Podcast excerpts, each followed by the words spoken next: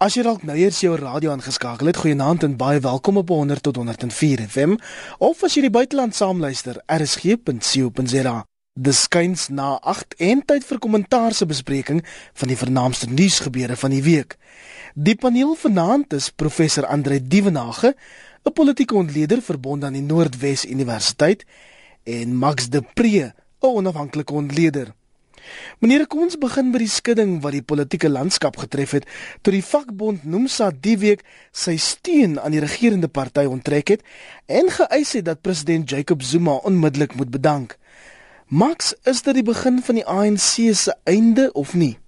Dit is 'n aardskuddende gebeurtenis in ons politiek. Die grootste verwikkeling in ons politiek sedert 94 sou ek sê en dit gaan nie hierna dieselfde wees nie. Hoe presies dit gaan uitloop, weet ons nie mooi nie of Kusatu heel gaan bly, dit lyk onwaarskynlik, maar dit is nog so. Dit lyk vir my die kanse is uitstekend dat hier 'n nuwe party op pad is, miskien 'n werkersparty. Dan is die ander vraag, hoe gaan hierdie nuwe werkersparty of hoe gaan Nomsa dan nou buitekant eh, die ANC met die ekonomiese vryheidsvegter saam staan? As ons hierdie 3-400 000 ingeskrewe lede van Nomsa vat en ons sit dit by die huidige mense wat potensieel vir Malema en sy party gaan stem, dan skielik praat ons hier van 'n uh, party wat by die 10, 12, 13% kan kry volgende jaar in die verkiesing. Maar die verkiesing is in alle waarskynlikheid net 4 maande ver. Is dit nie nou te laat om nog betydse werkersparty te begin nie?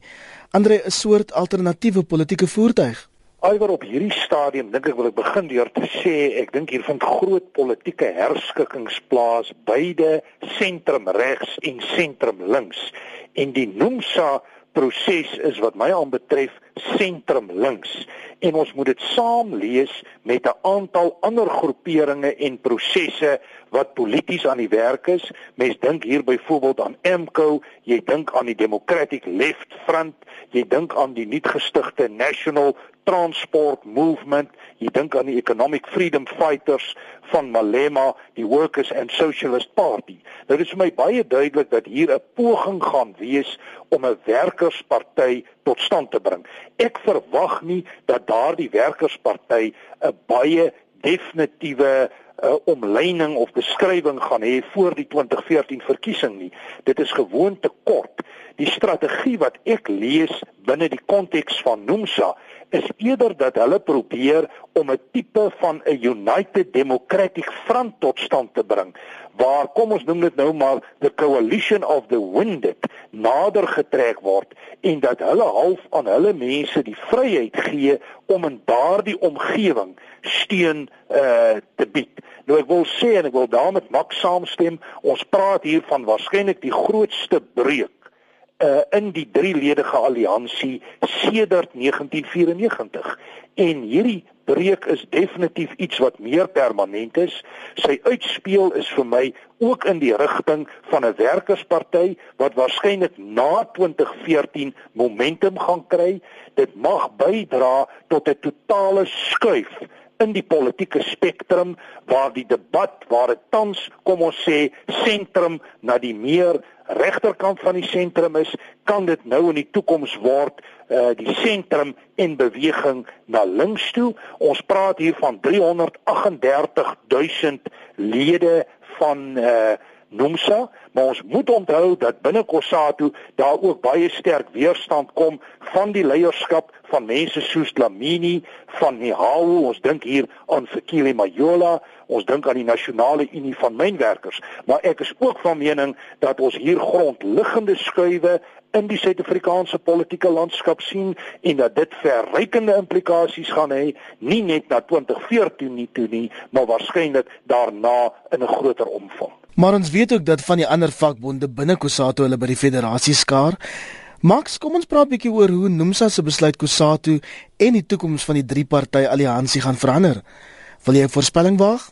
Mens kan eintlik nie insien dat Kusatu heel gaan bly nie dink meeste van ons luisteraars het seker 'n bietjie geluister na wat na die harde harde woorde wat manne soos Elvin Jim gebruik het laasweek. Men skerper woorde as wat enige ander oppositiepolitikus uh, sou gebruik. So terwyl Zwelin Zimbabwe wat geskort is nog buite is en hy's aan die Nomsa kant, hulle is in een kamp.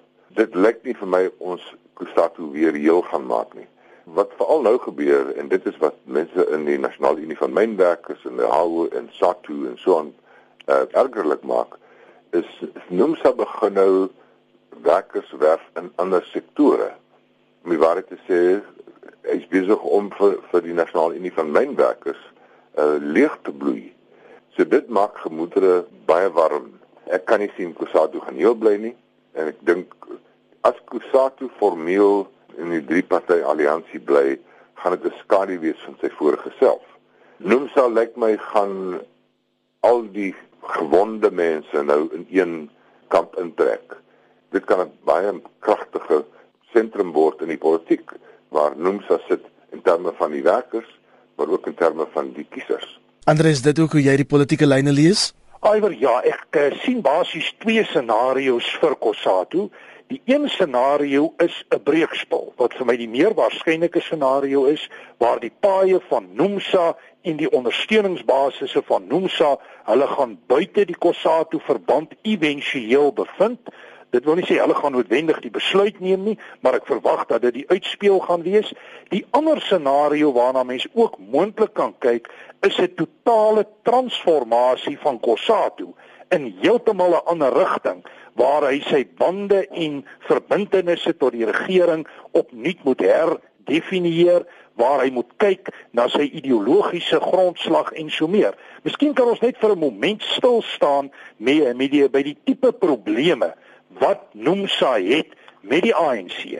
In die eerste plek beskuldig hulle die ANC van 'n neoliberale beleid en sê hulle die onderskeid met die DA is nie duidelik nie. In hierdie probleem wortel in hulle moeilikheid met die nasionale ontwikkelingsplan.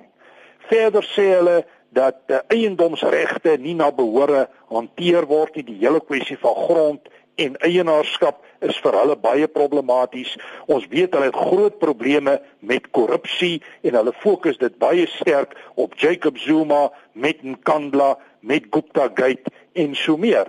En dan sien ons ook baie duidelik dat hulle hulle identifiseer met die meer progressiewe kragte van die wêreld van die Suid-Afrikaanse politiek in die strewe na 'n meer sosialistiese Suid-Afrika. Nou in daai sin kan mens ook hier praat van uh bepaalde strategieë wat hulle het ten opsigte van die interne verwerking van strategiese minerale die nasionalisering van die reservebank en ander strategiese bedrywe, die dekommersialiseringsstrategie van instellings ten opsigte van kom ons sê Sasol en ArcelorMittal, die die die yskor staalgroepering. In daai sin praat ons hier van 'n baie radikale ideologiese standpunt links van sentrum. En op hierdie stadium is dit baie moeilik te versoen met die huidige ANC regering van Jacob Zuma wat 'n meer konservatiewe nasionale ontwikkelingsplan gedrewendheid het. Die saak wat Max daar aanraak van one sector one union is 'n reuse probleem. In die verlede was Kossatu gebou op die feit dat daar verskillende sektore is en vir elke sektor is daar dan 'n bepaalde vakbond en as uh, noem sy alwyk van daai patroon wat reeds besig is om te gebeur, dan bedreig dit werklik die bestaan van Kossatu in verskeie opsigte. So hier is verskeie dinamiese kragte aan die werk, soos ek vroeër genoem het. Ons praat hier van 'n rekonfigurasie van die politieke landskap en die uitspeel hiervan kan vorentoe redelik dramaties wees. Max, as ons net 'n bietjie nog kan uitbrei oor daai faktore wat gelei het tot noem sy se egskeiding met Kusatu en dan ook die ANC. Dit sluit ook dinge in soos hulle ongelukkigheid met die etolstelsel en dan arbeidsmakelaary. Jy weet dit is my interessant alhoewel ek nou na Andre luister hoe hy die beleidsrigtinge uitspel van die, die nuwe ongelukkiges. Dan klink dit op op dit presies dieselfde is wat die ekonomiese vryheidsvegters sê en dit is miskien nie so belangrik nie, maar dit klink dieselfde as wat die kommuniste party sou moes gesê het as hulle eerlike kommuniste was. So nou sit jy hier met 'n ding met hierdie nuwe manne wat dieselfde goed sê as wat Malema en sy mense sê. Maar jy sit met die kommuniste party wat veronderstel is om links te wees, in die vanguard te wees daar uh, van die werkers en so aan, sosialiste, nasionalisering al daardie soort van marxistiese idees, maar hulle sit binne in die Zuma kamp van die ANC. So as ons na al hierdie goed kyk, dan weet ons ook die kommuniste party sit waarskynlik ook sy aanskemering en aanskou. Want hoe gaan hulle volgende jaar in die parlement opstaan? Blydens die mande opstaan en vir Julius Malema aanval oor sy beleid.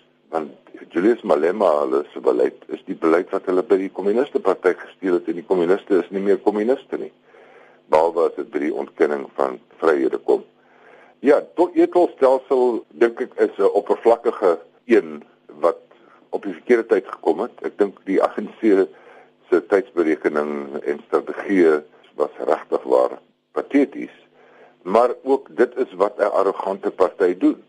Dit is wat 'n party wat so gewoond is aan mag doen. Ek dink ek kan maar voortstroom en maak wat ek wil. Ons sien dit laasweek weer met in Kandla wat die wat toelaat mense en al die ministers daar sit en vir ons kleutjies bak. En ons sit almal die hele nasie sit vir hulle kyk en ons weet hulle bak kleutjies en hulle gaan nog aan die ou manier aan van ons is so arrogant julle gaan ons glo ons is die leier van die mense. So hierdie goed alles het 'n akkumulatiewe effek maar ek dink in Kandla maak regtig waar baie seer want dit kom net na die, die eertol ding wat begin het. En dan kom uh, ons president asof hy homself nie kan help nie en in die middel van hierdie drama sê hy hy wil dalk 'n wenda vrou vat want hulle het soveel respek as hulle by jou kom na leer op hulle maag. Dan dink jy die manne in Lotuli huis moet hulle hare uit hulle kop uittrek en my vraag is sou die ANC nie beter vaar in volgende jaar se verkiesing as hulle nou in Januarie van Jacob Zuma ontslaa raak nie. Ek het 'n gevoel meneer Zuma is so ongewild dat hy maklik geblameer gaan word volgende jaar as die ANC onder die 60% trek. Maar hy mag dalk ongewild wees, maar Andre, dink jy die ANC is reg om die verkiesing aan te durf sonder Madiba en meneer Zuma? Kom ons praat vinnig net hier oor 'n Ipsos Markinor opname wat gewys het dat 51% van die geregistreerde ANC stemgeregtigdes wil hê dat Jacob Zuma moet bedank en dit sluit aan by wat Max daar sê dat president Zuma is op die oomblik geweldig ongewild. Nou iwer jou vraag sonder Madiba, sonder Jacob Zuma, hoe staan sake? My indruk is dat meneer eh, Mandela was meer 'n simboliese faktor. Sy nalatenskap op hierdie stadium is oop vir enige een om te gebruik en die ANC gaan definitief daarvan gebruik maak. Waarmee hulle wel met 'n reuse probleem sit en ek wil aansluit daarby Max is dat uh, meneer Zuma as jy hom loslaat dan sê hy gewoon die verkeerde goed. En ek moet ook daarom hier vir hom ietwat opkom. Hy is tot so mate gediskrediteer as hy die geringste foutjie iewerster maak is hy geweldig onder die vergrootglas. Oor die vraag tot watter mate kan die ANC nou kom ons sê 'n skuif maak die gesig van die verkiesing verander weg van meneer Zuma, dan kom ons sê iemand soos meneer Cyril Ramaphosa of dalk iemand uit die Zulu lyne van die ANC. In die eerste plek sien ek dit as werklik onwaarskynlik. Die ANC het hom reeds verbind tot meneer Jacob Zuma as die gesig van die verkiesing en dan moet ons net onthou meneer Zuma is nie sonder mag binne die ANC en die drieledige alliansie nie. En as ons vinnig net weer daai lyne kan trek, hy het beheer oor die grootste en sterkste provinsies in die land. Jy dink mens veral aan KwaZulu-Natal, jy dink aan sy beheer oor die nasionale uitvoerende komitee van die ANC, die nasionale werkkomitee, die lyne wat loop na Letuli huis toe.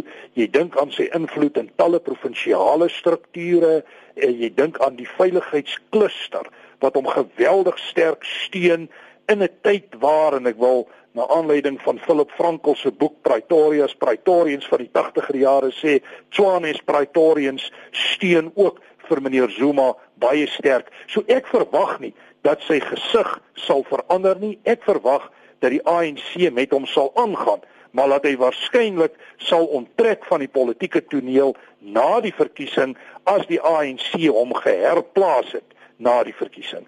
In daai sin verwag ek nie groot skuwe nie, maar dit is korrek om te sê dat meneer Zuma kom teen 'n prys Ek bly van mening dat die ANC se steunbasis nou laer is as in enige van die vorige nasionale verkiesings in die aanloop tot daardie verkiesings.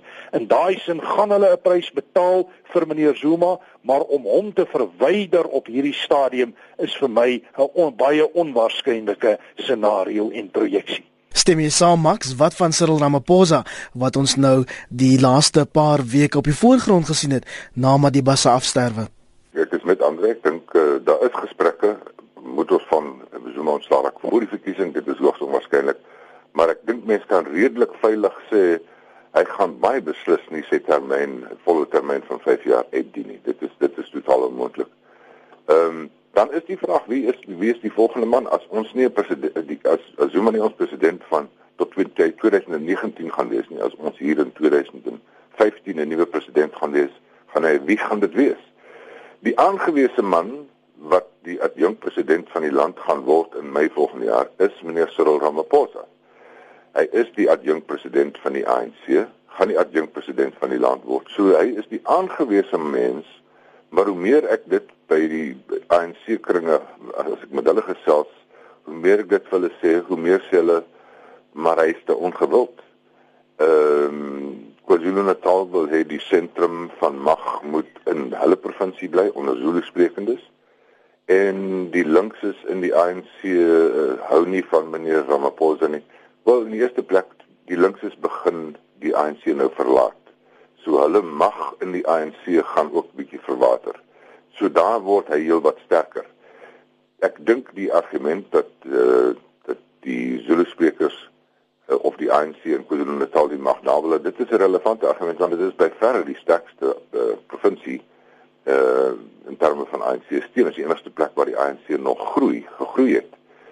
Uh maar dit lyk of dit Cyril Ramaphosa kan wees en dan is daar as dit 'n KwaZulu sprekers moet 'n Zulu spreker moet wees, kan dit dalk uh, in KwaZulu-Natal Dlamini Zuma wees of die buiteperd is Willie McKees en wat ek ook al na hierdie mense kyk uh al drie is mense met goeie rekords, uh skoon lewens, uh mense met harde werk en visie so.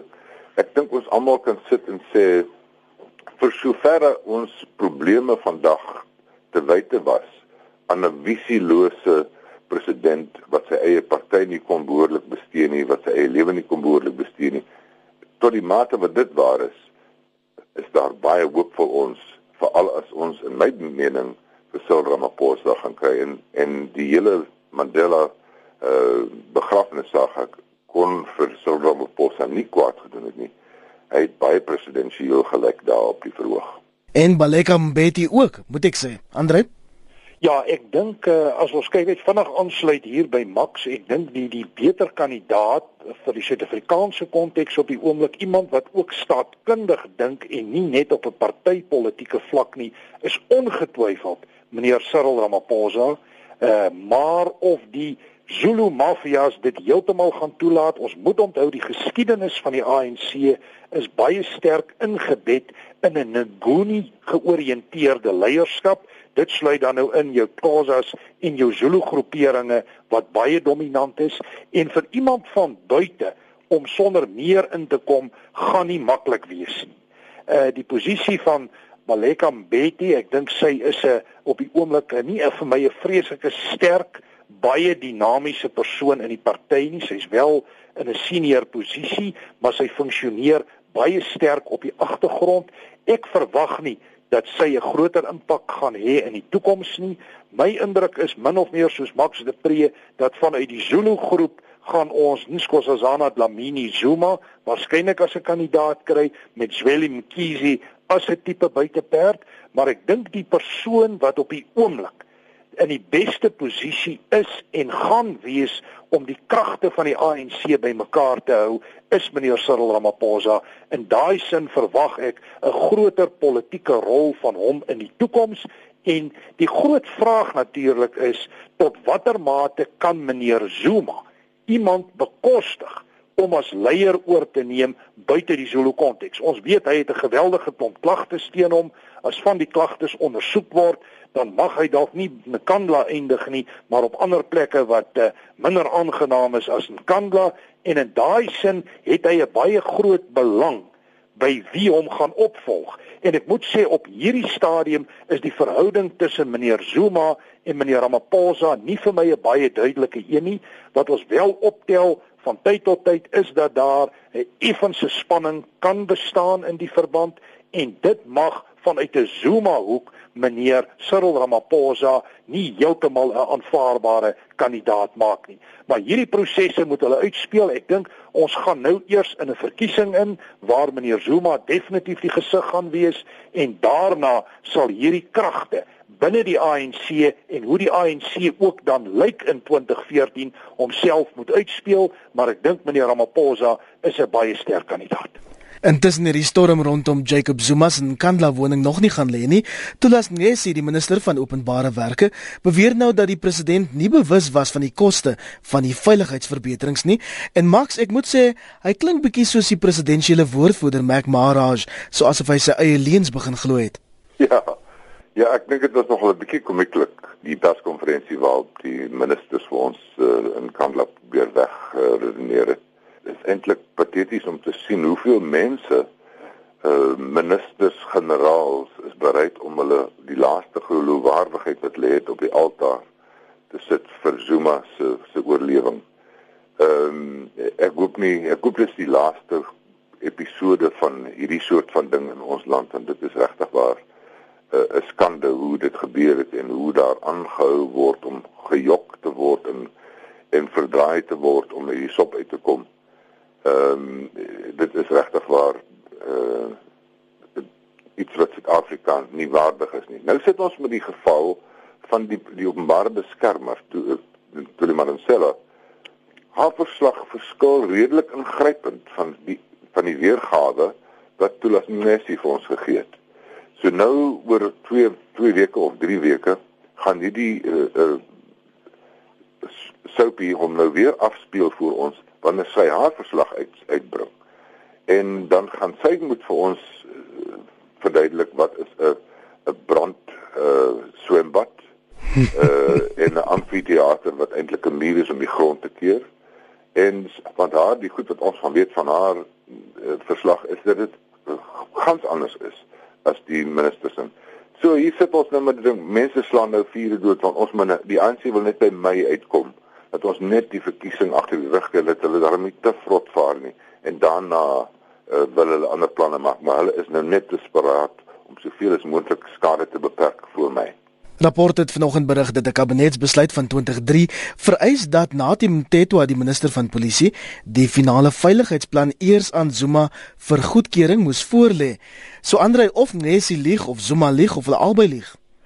Wel ek dink die ANC is besig om skadebeheer uit te oefen iwer en uh, in daardie proses moet verskillende mense nou standpunt inneem en ons hoor verskillende standpunte maar ek wil met Max saamstem dat dit 'n 'n situasie is waar ons duidelik twee verslagslyne kry hier. Die een die interministeriële verslag wat duidelik uh, beoog om Jacob Zuma te beskerm teen alle prys in En dit beklemtoon vir my 'n groter wetmatigheid in ons politiek wat jy gerus na kan kyk en dit is die rol van netwerke, politieke netwerke in ons politiek. Lyk my in daardie netwerke verraai niemand mekaar nie. Dit is 'n absolute lyn kode wat gevolg word en ons sien dit baie sterk uitspeel hier. Die ander verslag, die een van Tuli Madonsela, gaan 'n meer objektiewe verslag wees en ek verwag dat dit meneer Zuma en ook ander mense definitief gaan ontbloot en dit is baie baie sleg vir die ANC nou in die aanloop tot die verkiesing. Maar dit is my baie duidelik wat daar gedoen is, wat spandeer is en wat gesê word daar kom duidelik nie by mekaar uit nie. En die vraag wat 'n mens kan vra is, wat dink die ANC gaan hulle reg kry in hierdie verband? En dit bevestig ook maar net weer vir my tot watter mate hulle bereid is om vir Jacob Zuma tot die bitter einde te beskerm ongeag al die skandale en klagtes oor die laaste aantal jaar. En as ons nou terugkyk na 2013, dan was 2013 ongetwyfeld 'n jaar van skandale wat meneer Jacob Zuma baie sentraal geplaas het. En ek is bevrees dit staan in baie baie skrille kontras met die Mandela nalatenskap en ek is bevrees dat meneer Jacob Zuma en die ANC baie duidelik hiervoor 'n politieke prys gaan betaal. En meneer Zuma is baie duidelik 'n bietjie van 'n straatvegter. Klink of hy kom uit Kraaifontein daar waar ek vandaan kom. Max, dink jy hy gaan hierdie een oorleef? Nee, hy kan dit nie oorleef nie. Daar's nie 'n manier wat hy dit van oorleef nie. Die grootste ding by die ANC is, soos hulle gereeld vir ons sê, hulle glo 'n hoër hand het bepaal hulle moet hulle moet regeer. Hulle gaan regeer tot Jesus terugkom. Hulle is die ware verteenwoordiger van die mense en hier word hulle skielik in die oë gestaar deur 'n ding. Hulle gaan dalk 'n verkiesing verloor in 2019. En dit is iets wat hulle baie moeilik kan aanvaar. En nou lyk dit vir hulle asof Zuma is die man wat dit veroorsaak het. En ja, dit is waar, daar sit uh, mense soos Sebonga Twele en en al die, die manne sit rondom um, meneer Zuma. Maar daar is mense wat 'n bietjie verder van die vuur af sit ehm uh, in in die ANC en in die kabinet wat oor die medium en langtermyn begin dink. Mense soos Malusi Gigaba en Boetie Manemela, die jong die jonger manne. En hulle sê maar ons kan nie toelaat dat julle ou manne die hele party, die hele beweging opoffer net ter wille van hierdie een man nie. Uh so die die getuie het teen hom gedraai. Ehm um, en en hy is beslis op pad uit. Nou moet mens wonder wat gaan word van die aanklagte teen hom as die saak uh vroeg volgende jaar voorkom, vermoed ek die die hof gaan sê die nasionale vervolgingsgesag moet verduidelik hoekom hulle hom nie aangekla het nie en hulle het nie daai verduideliking nie. Ek het daai dokumente gesien. Daar is nie 'n verduideliking nie, dit was 'n politieke besluit. Dit beteken hy moet weer aangekla word. As hy weer aangekla word, is dieselfde saak dien teen hom as wat teen Shabu Sheikh gedoen het. As hy aangekla word, gaan hy tronk toe. So, dis die ander ding waarmee die ANC speel. Wil hulle 'n sittende president in 'n oranje pak en polsmoor sien? of wil hulle hom eerder al al uit hê. Al hierdie goed. Uh, ek dink hy het soveel koels uh, gemis die laaste tyd, maar die volgende een dink ek dit sy nommer en die absurditeit van al hierdie verduidelikings van die regering se taakspan. Hulle het onder andere die week gesê dis dat daar net 71 miljoen rand bestee is aan Kanla se veiligheidsverbeterings, asof dit nie baie geld is nie, en dan 135 miljoen rand aan operasionele behoeftes soos water en ligte en verblyf vir van die personeel aandry. Iwer sonder enige twyfel grens dit omtrent aan die belaglike. Jy kan tog nie daardie bedrag op veiligheid spandeer nie. Mens dink aan 71 miljoen 'n groot huis in 'n goeie stedelike omgewing gaan jou waarskynlik hier tussen 1 en 2 miljoen kos. Wat wil hulle maak met daardie tipe infrastruktuur? Die 135 miljoen vir operasionele kostes word onder meer gemotiveer teen die agtergrond van die veiligheidsbedreigings spesifiek in KwaZulu-Natal. Nou ons weet KwaZulu-Natal is 'n relatief onstabiele gebied sedert die vroegste tye en dit is voor die 80er jare se gevegte tussen die UDF en die IFP. Maar om dit te regverdig maak gewoon nie sin nie. My indruk is dat die ANC gewoon besig is om homself vas te draai en al hoe meer vas te draai in hulle verduidelikings. Die verduidelikings is inkonsekwent. Dit klop nie met die werklikheid nie. Die tipe uitsprake wat gemaak word, dink ek is ook baie negatief vir meneer Jacob Zuma in persoon.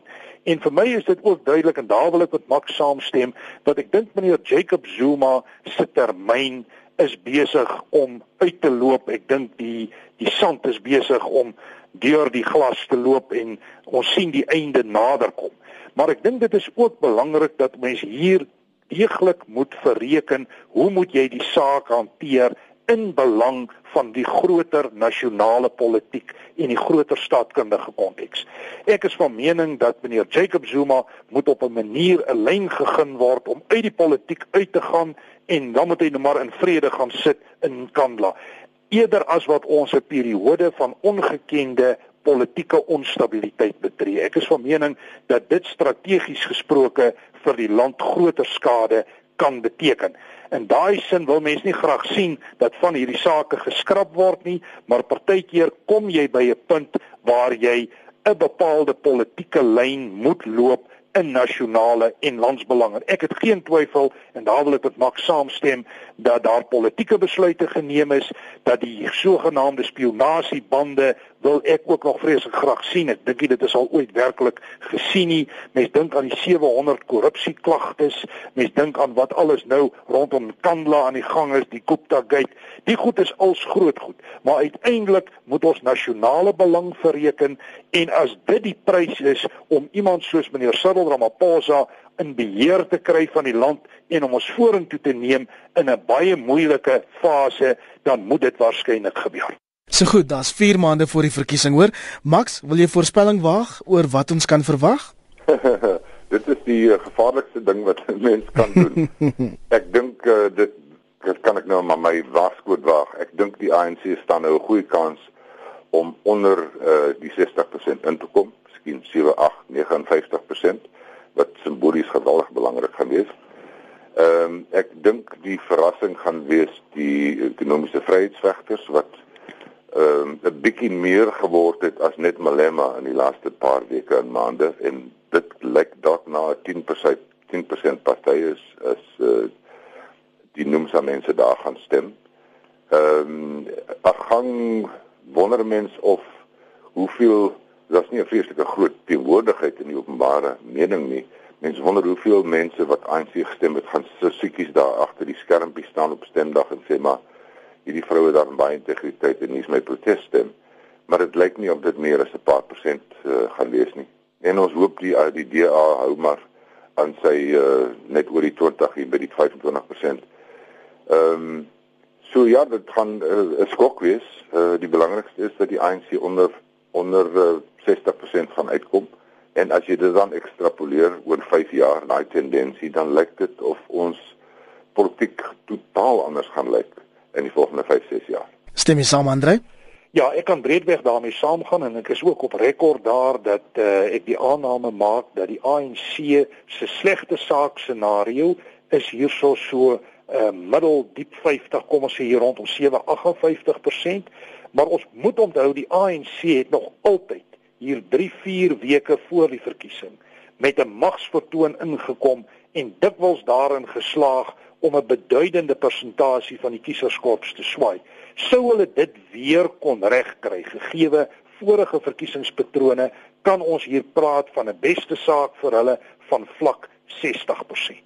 Kom ons sê hier 162%. So iewers tussen 758 en 162% reken ek die ANC behoort te presteer. Ek wil graag aansluit by Max. Ek was 'n tyd gelede toe ons ook hierdie tipe voorspellings gemaak en het ek die aanname gemaak dat die vryheidsvegters omtrent 5% steun behoort te kry en as hulle strukture en simpatie werklik kan mobiliseer, kan hulle dit selfs verby die 5% neem hier na 7-8% se kant toe. En ek moet sê ek is baie daarvoor gekritiseer. Op hierdie stadium wil dit vir my tog lyk of die vryheidsvegters die belangrikste party gaan wees van die uh, nuwe inkomelinge in die politiek en ek verwag ook hier rondom 5% steun en as hulle die groter simpatie kan mobiliseer as hulle hierdie United Democratic Front ding kan doen waar hulle 'n klomp organisasies bytrek wat tans los staan en dit as dit ware bymekaar bring en hulle kan as die vlaggenskap funksioneer en dis baie kort tyd om dit alles reg te kry, dan kan hulle selfs op meer steun aanspraak maak. Wat die DA aanbetref, het van die meningsopnames gewys dat hulle selfs meer as 25% steun kan kry. Ek verwag dat hulle verbintenis streep nie verbintenis tot die uh, employment equity wetgewings vir hulle waarskynlik 'n prys gaan laat betaal in terme van hulle tradisionele ondersteuningskorps. So ek verwag dat hulle hulle steun gaan verbeter, maar dat dit iewers in die 20% gaan lê, waarskynlik laer as 6-27%. In daai sin praat ons steeds van 'n 80% steun plus minus tussen die DA en die ANC wat nie werklik groot ruimte laat vir ander partye nie. Ons het natuurlik die kollektief vir demokrasie gesien tot stand kom in die laaste week waar binne parlementêre groepe soos Cope die Vryheidsfront Plus, die ACDP en die United Christian Democratic Party nader aan mekaar gekom het. Hulle het tans omtrent 15% van die steun, so wat 57% setels, maar hulle steunbasisse is wat my aanbetref in die algemeen besig om af te plat veral by Cope. So ek verwag nie 'n baie groot impak vanuit daardie oord nie. Maar as ons rolweg werk met 'n ANC van waarskynlik onder net onder 60%, 'n DA hier rondom 20 en dan die vryheids die vryheidsvegters hier rondom 5% steun, dan is dit min of meer hoe die politieke landskap tans lyk. Dit wil nie sê dit kan nie skuwe na April volgende jaar toe nie, maar ek moet sê op hierdie stadium lyk dit vir my redelik of dit vaste trajecte is in ons politieke omgewing. En dis vir eers waar ons gaan met haltroep vanaand met kommentaar. Dankie aan my gaste, professor Andre Dievenage van die Noordwes Universiteit. Dankie Andre. Baie dankie Iwer, baie dankie Max. En die onafhanklike politieke ontleder Max de Pre. Dankie, dankie. Goeienaand. Bly ingeskakel.